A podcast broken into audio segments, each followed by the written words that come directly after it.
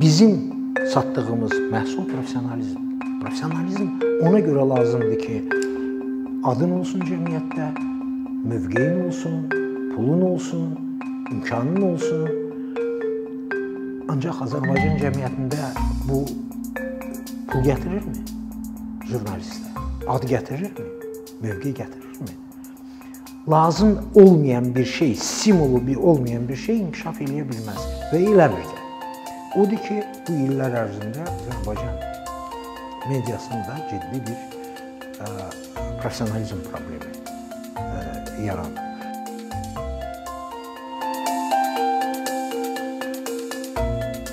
Mənə mövzunu deyəndə bir tərəfdən çox sadə mövzu görsənir ki, medianın vəziyyəti və çıxış yolunu nədən başlamaq lazımdır. Bu bir tərəfdən adam özünü Şeyx Nəsrullahın rolunda hiss eləyir ki, söhbət ölülərin dirildilməsindən gedir. Niyə sizə deyim, yəni bu mövzuya ikili yanaşmaq mümkündür. Bunun 50 cavabı var. 50-si də səhv ola bilər. Söhbət ondan gedir ki, İndi burada bir divarda bir şey olsaydı, mən təxminən onu göstərərdim ki, sizə xəyalınızda 4 dənə nöqtə qoyun, 3 xəttlə birləşdirməyə çalışın. Bunu adətən e, e, eksperiment keçirildiyi yerdə həddən artıq az adam tap tapır. Niyə? Çünki onu 3 nöqtə ilə birləşdirmək üçün fəzanı dəyişməlisən. Sən o 4 nöqtənin cızdığı müstəvidən kənara çıxmalısan. Yəni sənin düşüncən tamam başqa cür olmalıdır. Odur ki, e, başdan bir yanaşma tərzi kimi deyim ki, bugünkü düşüncə ilə bizim e, media sahəsində hökm sürən hakim düşüncə ilə əlbəttə onu e, bu böhran vəziyyətindən çıxartmaq qeyri-mümkün. Azərbaycan mediasının bu müstəqillik dövründən formalaşmasını 3 hissəyə bölmək olar. Bunun birinci hissəsi 90-cı illərin sonları, hətta mən deyərdim 80-ci illərin sonları, o perestroika vaxtı, Nəcəf Nəcəfovun Maladyoşkası, Azərbaycan qəzeti və və s.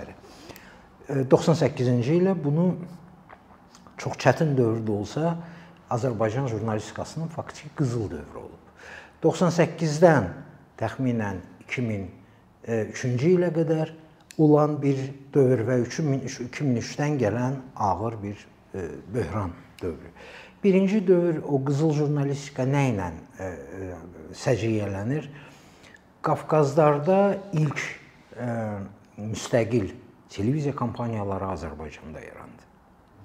Qafqazlarda ən böyük qəzet, ən nüfuzlu qəzet Azərbaycanda formalaşdı. Söhbət Aynes telekompaniyasından, 215 KL telekompaniyasından və s. gedir.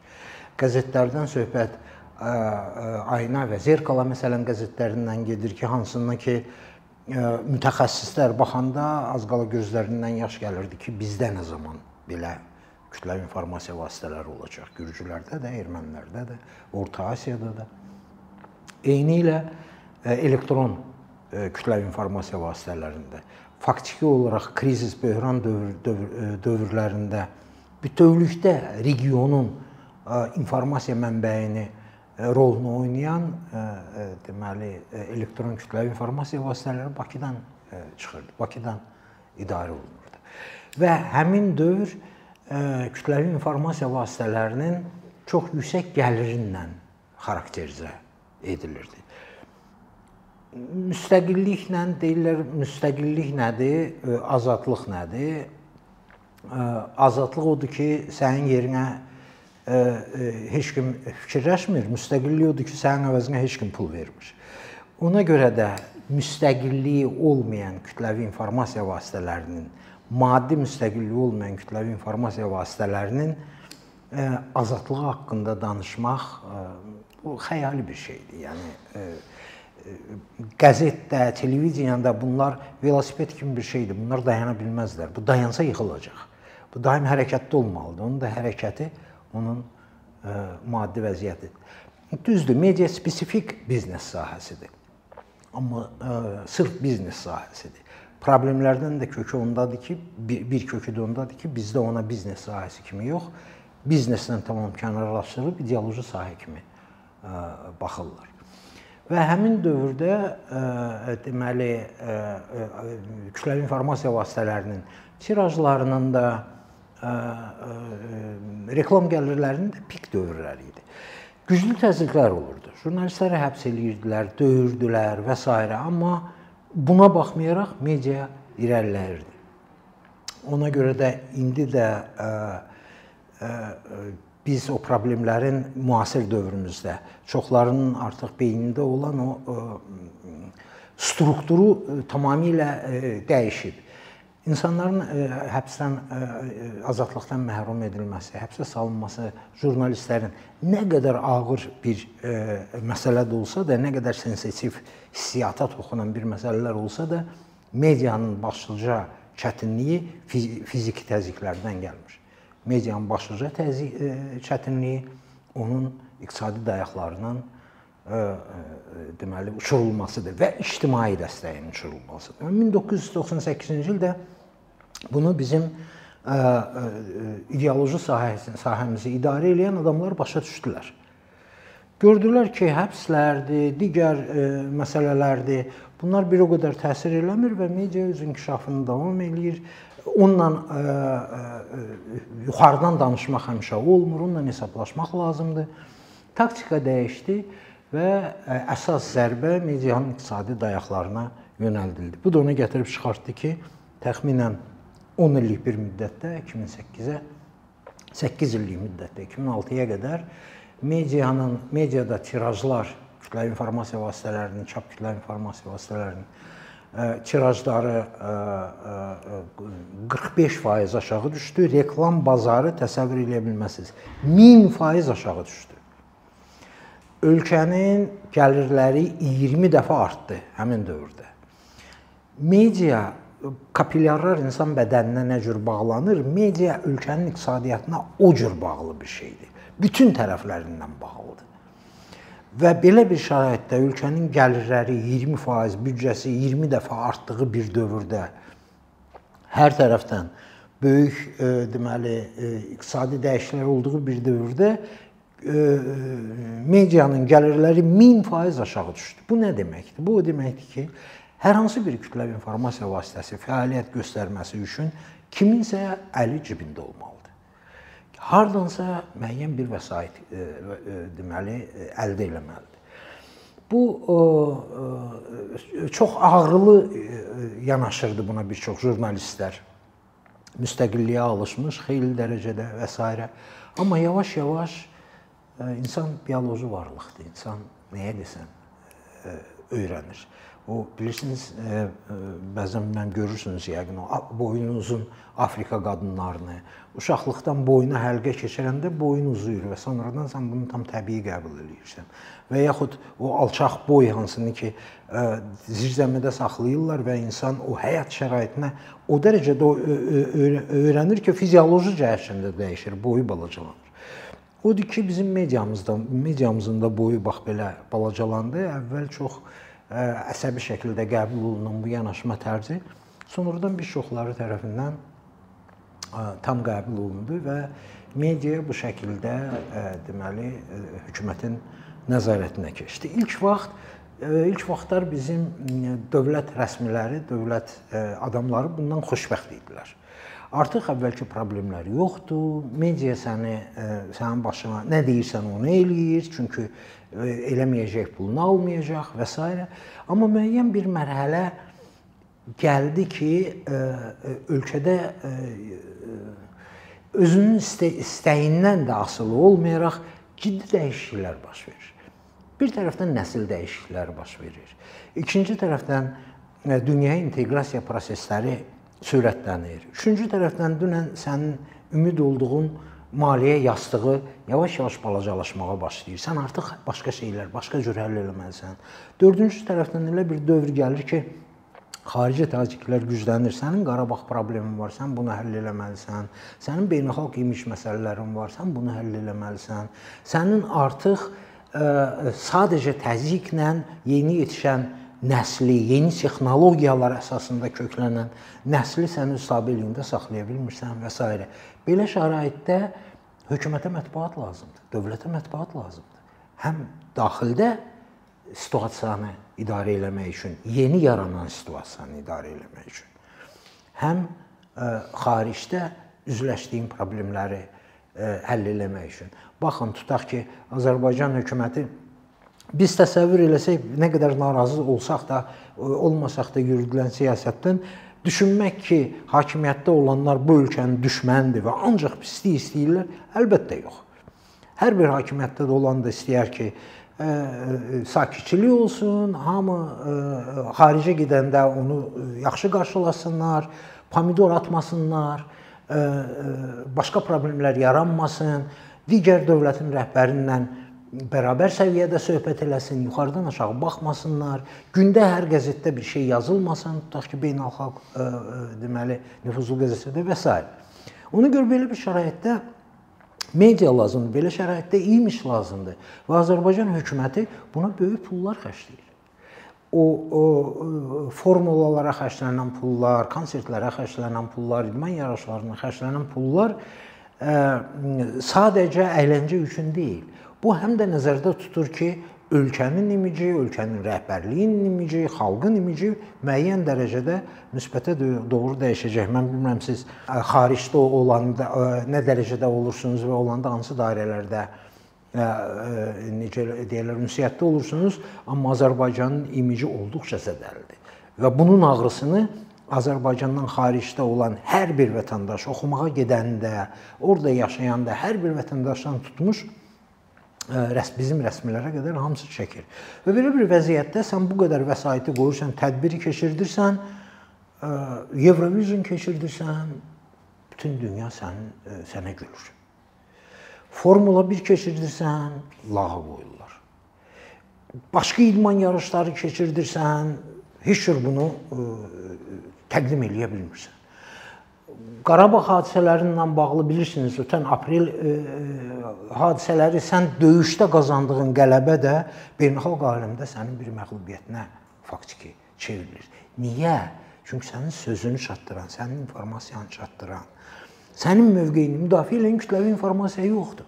Onların əvəzinə hamısı şilküt, e, professionallığından artıq yadırğamış televiziyalar, e, qəzetlər hansı ki, varlığı, yoxluğu bilinmir e, saytlar hansı ki kabinetdən çıxma, çıxmadan e, palas-palas nə qədər desən materiallar versin. Belə bir şəraitdə dövlətə, hökumətə media lazımdır. Yoxdur. Sən onu artıq öldürmüsən. Sən onu artıq həmin bax o boynunu o qədər uzatmısan ki, o ayağının altını yuxarıdan görə bilmir. Aşağıda nə baş verdiyini görə bilmir. Odur ki, belə bir şəraitdə yəqin ki, siz də hiss eləmiş olarsınız ki, son vaxtlar müəyyən nələrsə dəyişikliklər hiss olunur. Tutaq ki, bəzi televiziyalar, ictimai televiziyadır, qismən ARB-dir, elə bil qapıları bir qədər açır. Yeni-yeni strukturlar, köhnə daha doğrusu strukturlar bərpa olunmağa başlayır. Ayna zerkalı bir tərəfdən qalxdı. Turanı həbs elədilər, həbsdən çıxdı Turanın rəhbəri Turan fəaliyyətini bərpa elədi. Bu tərəfdən Bakı Mətbuat Klubu e, deməli fəaliyyətini bərpa eləməyə başlayır. 1 il əvvəl bu barədə heç kim düşünmürdü. 1 il, 2 il əvvəl bundan e, əvvəl hamı e, ancaq sayırdı ki, bu gün azadlıq bağlandı, sonra aynəsi bağladılar, sonra o bir şey və s. Odur ki, situasiya bir qədər ə, dəyişir. Nə ə, nə deməkdir bu? Yəni Bu nə dərəcədə etibarlı və dayanıqlı bir hərəkətdir. Mənə elə gəlir ki, hələ ki o dayanıqlıq yoxdur. Yəni hələ biz mediamızın dirçəldilməsindən danışa bilmərik, çünki hələlik o 4 nöqtənin bayaq dediyim evdə bir yoxlayarsanız ki, onu 3 3 xəttlə siz necə birləşdirəcəksiniz o 4 nöqtəni ki, bütün nöqtələrin öz bir-birinin arasında öz aralarında əlaqələri olsun. Ondan kənara çıxmaq yoxdur yanaşma tərzi hələ ki dəyişməyib. Sadəcə anlam var ki, biz köhnə üsullarla ölkədə media yaradıb və o medianı bir deməli bir yerimiz ağrıyanda ora dərman kimi sürtə bilmərik. Nə lazımdır bunun üçün? Əslində proses o qədər də mürəkkəb bir sual deyil bu. Çünki e, dediyim kimi indiki e, biz e, qapalı bir mühitdə yaşamırıq. Biz ətrafımıza, sağımıza, solumuza baxsaq ki, görərik ki, e, bizdən də çətin vəziyyətdə olan ölkələr var, bizdən də çətin vəziyyətdə olan situasiyalar var və bu vəziyyətdən çıxmış dövlətlər də var. Uzağı göstərmirəm. Ən yaxını, ən yaxın belə deyək, qardaş millətimiz Türkiyəni götürək. Ötən əsrin 70-ci illərində mənə indi biraz qəribə gəlir ona ötən əsrin 70-ci illəri deyəndə, çünki mən sizi kim olanda o, o dövrdə idim elə təxminən. Həmin dövrlərdə Türkiyə mətbuatı bugünkü Türkiyə mediası, bugünkü Azərbaycan mediasından da pis gündə idi. Böyük bir ölkə heç kim heç nə idarə eləyə bilmir, mediada xırda-xırda medialar, didişən medialar və s. 10 il ərzində onu elə bir vəziyyətə mediada islahatlar başlayanda, ölkədə bütövlükdə iqtisadi islahatlar başlayanda elə bir vəziyyətə gəldi ki, 80-ci illərin sonunda Türkiyə mediası artıq Avropanın qabaqcıl mediaları səviyyəsində idi. Düzdür, sonra proses tərsinə sürü yenə geri döndü. Proses tərsinə getməyə başladı son illərdə. Amma demək istəyirəm ki, bu mərhələni keçmək mümkündür. Söhbət Türkiyədən gedir. Azərbaycan bütövlükdə öz əhalisinə görə ə, heç İstanbulun yarısıdır real olaraq. Yəni biz o masştabları ə, özümüzə keçirdəndə, öz üzərimizə keçirəndə görürük ki, burada ə, ə, o qədər də yəni problemli məsələ ə, olmamalıdır bu bu məsələ. Birinci növbədə bütün şərtlər yaradılmalıdır ki, media öz iqtisadi azadlığını ə, e, təmin eləyə bilsin. Bu çətin deyil. Azərbaycan mediası öz maddi tələblərinə görə elə də yüksək səviyyədə olan, ə, e, e, elə də yüksək tələbatları olan ə, media deyil. Xüsusilə nəzərə alın ki, ə, 10 il, 20-ci il, 20 il əvvəlki media bizə belə gəlir ki, texnoloji inkişaf xeyli bahalaşdırır. Yox, texnoloji inkişaf çox səddər aradan götürür və xeyli dərəcədə ucuzlaşdırır bu məsələləri. Biz məsələn tutaq ki, indi elə bir e, bir texnologiya hazırlayırıq ki, Azərbaycanda yeritməyə o texnologiyanı e, press klubda. Onu 10 il əvvəl eləmək üçün bizə bəlkə 20 e, dəfə, 30 dəfə artıq xərc lazım olardı. İndi o texnologiyalar hamısını o səddəri götürür və s. Bu e, e, deməli birinci şərtdir medianın iqtisadi azadlığını e, bərpa eləmək. İkincisi medianın, jurnalistlərin professionallığı məsələsidir. İllər ərzində biz çox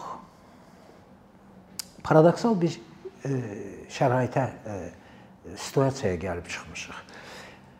Belə bir Marksın gərək ki, belə bir sözü var ki, qul ə, e, azadlıq istəmir. Qul intiqam istəyir. Və ə, e, bu tabeçilik, uzun illərin tabeçiliyi ə, e, elə bir vəziyyətə gətirib çıxardıb ki, indi bir çox kütləvi informasiya vasitələrinin rəhbərliyi, rəhbərləri bu tabeçilikdən çıxmaq istəyirlər. Təsəvvür eləyin ki, Sən oturmusan, illərdir sən professionallığını itirmisən də. E, adi silah da işlədilməyəndə körşalır. Professionallıq isə hər gün cilalanmaq istəyir, hər gün. Xüsusilə media sahəsində, xüsusilə IT sahəsində, o sahələrdə ki, bax bax situasiya bax belə dəyişir. Və hazır pulun gəlir. Sabah birdən sənin üçün bazar şəraiti yaradıldı sənin üçün rəqabət şəraiti yaradıldı. 20 nəfərdən neçəsi bu şəraitə uyğunlaşa biləcək? Bu şəraitdə sağ qala biləcək. Ona görə indiki situasiya, indiki şərait bir çoxları üçün ə, ə, əlverişlidir. Onu qoruyub saxlamaq hətta ə, ə, əlverişlidir. Odur ki, bu bu məsələlər, bu xüsusilə professional professionalizm məsələləri elə elə də xırda məsələ deyil. Professionalizm nədir? o deyirlər sən professional olmalısan, buna çalış. Professionalizm əmtədir. Satdıq maldır. Kimisə istehsal eləyir vedrə, aparır vedrəsini satır. Nə qədər yaxşı düzəlsə vedrəsini pulunu alır, gəlir. Bizim satdığımız məhsul professionalizmdir. Professionalizm ona görə lazımdır ki, adın olsun cəmiyyətdə, mövqeyin olsun, pulun olsun, imkanın olsun. Ancaq Azərbaycan cəmiyyətində bu pul gətirirmi? Jurnalistə ad gətirirmi? Mövqe gətirirmi? Lazım olmayan bir şey, stimulu bir olmayan bir şey inkişaf eləyə bilməz və eləmir də. Odur ki, bu illər ərzində Azərbaycan mediasında ciddi bir ə, professionalizm problemi yaranıb. Onun ə, həlli üçün mənim mənim fikrimcə ə, bu sahədə ə, yeni kadrlara, gənclərə xüsusilə böyük ehtiyac olacaq bizdə. Yaxın vaxtlarda əgər bu proses gedəcəksə, yaxınlarda mənə GİPA-dan GİPA-nı qutaranlar haqqında bir araşdırma aparmağı xahiş elədilər, müraciət elədilər. Mən bir balaca o işə başladım və sonra imtina elədim. Çünki bəlli oldu ki, GİPA-nı qutaran bizim ətrafımızda ən professional məktəb Amerikalıların yardımı ilə Gürcüstanda yaradılmış GİPA deyilən bir məktəbdir və ildə 5 Azərbaycandan, Ermənistandan 5 nəfər, Gürcüstandan 15 və yaxud daha artıq adam oranı bitirir. Mən araşdıranda gördüm ki, GİPA-nı bitirmiş bizim e, yaxşı da mütəxəssis hazırlayırlar. Bizim jurnalistlərin 90%-i mediada deyil. Onlar ya ölkədən gediblər, ya ə, e, biznes sahəsinə gediblər. Firmalarda biri bankda PR ə, e, məsələ ə, sahəsində işləyir, biri ə, Sumqayıt parkında PR-da işləyir və s. Çünki o professionalizmi burada sən tətbiq eləyə bilməyəcəksən. Hansı telekompaniyada 15 dənə professional böyük vəsait qoyub, böyük zəhmət çək, 15 professional gətir, hansı telekompaniyada onlar cavab hüququnu təmin edə bilərlər? Hansı telekompaniyada onlar balans hüququnu təmin edə bilərlər? Bunlar professionalizmin baza prinsipləridir. Bunlar hələ mürəkkəb məsələlər ə, deyil. Və belə bir şəraitdədir e, e, indiki vəziyyətdə odur ki, mən dediyim, gətirib dem dediyim ona e, ona dem ona çıxartmaq istəyirəm ki, bu mövcud şərtlər, mövcud o nöqtələr çərçivəsində biz o problemi bu gün həll eləyə bilmərik. Amma sistemdən kənara çıxanda o zaman burada çətin heç bir şey yoxdur. Bir neçə gün bundan əvvəl ictimai televiziyada bizi dəvət eləmişdilər və biz müzakirə eləyirdik. Azərbaycan jurnalistikasının, vəbsə Azərbaycanın sosial ümumiyyətlə Azərbaycanın sosial e, deməli mühitində, sosial ə, e, şəbəkələrdə və kütləvi informasiya vasitələrində söyüş. Bilirsiniz ki, həqiqətən ciddi problemə çevrilib, xüsusilə xaricdəkilərdən, daxildəkilərin söyüşü və s.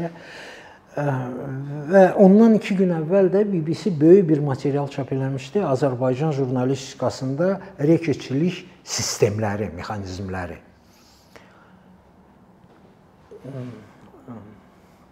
Əgər siz tanış olsanız, bilsəniz ki, bu gün dünya mediası, dünyanın mediasının aparıcı sistemləri, aparıcı qurumları hansı professionallıq problemlərini müzakirə eləyirlər. Nə dərəcədə maraqlı müzakirə, o problemləri müzakirə eləyirlər. Sonra dönüb Azərbaycan mediasının başlıca problemi kimi ortaya çıxardılan iki məsələyə baxsanız, reketçilik və ə, e, ə, e, və söyüş. Nə bilim, daha siz demək söz tapmazsınız. Dünya jurnalistikasında bu problemlər yoxdur. Bu medianın problemi deyil, bunlar siyasi problemlərdir. Söyüşün kökündə siyasi münasibətlər dayanır bir e, e, təbəqə, siyasi təbəqə digər təbəqəni o qədər incidib ki, o qədər düşmənçiliyi əhval-ruhiyyəsi var ki, cəmiyyətdə. E, biri yandığından, biri gücsüzlüyündən, biri hikkəsindən o mübahisələr keçir o müstəviyə. Media ancaq vasitəçi rolunu oynayır. Yaxud reketçilik, reket jurnalistikası deyilən bir şey var. Belə şey var. Data jurnalistikası var. Tri media var. Televiziya jurnalistikası var, radio jurnalistikası var. Qəsdən o ifadəni Azərbaycan mentalitetinə yeridiblər burada. Və onun yeritməyində media rəhbərlərinin media sahəsinə rəhbərlik edən adamlar dayanıb. Bu bir mediaya qarşı etinasızlıq, bir iyrənclik yaradır media. Bunlar medianın problemləri deyil. Və biz bu gün onları medianın əsas problemləri kimi müzakirə eləyirik. Həll elə e, reket jurnalistikasını görün necə həll eləyirsən. Sən nədən həll eləyəcəksən ki, bunların hərəsi e, bunun arxasında hərəsində bir nazir dayanıb. Bunlar sifarişlə işləyən kütləvi informasiya vasitələri və ya cinayətkar dəstələrdir. Bunların jurnalistikaya nə aidiyyəti? Və yaxud sən o söyüşü mən 50 dəfə deyim, gəlim əlini sıxım, gəlim xahiş eləyim. Ondan ə, deməli ictimai münasibətlər dəyişər. Sən dəyiş ictimai münasibətləri, sən insanlar arasında, sən rəqabət şərtlərini qaytar, hər şeyi qaytar. Gör bütün bunlar nə cür danışır, dəyişir. Niyə biz ermənilərdən və gürcülərdən tərbiyəsiz və ağılsız olduq ki, biz söyüşürük, onlar söyüşmür. Yox, deməli burada e, xüsusilə hətta bəzi digər faktorları əlavə eləsən, görərsiniz ki, burada nə tərbiyənin e, e, məsələsi var, nə e, başqa məsələlərin e, deməli e, o qədər bir bir təsiri var.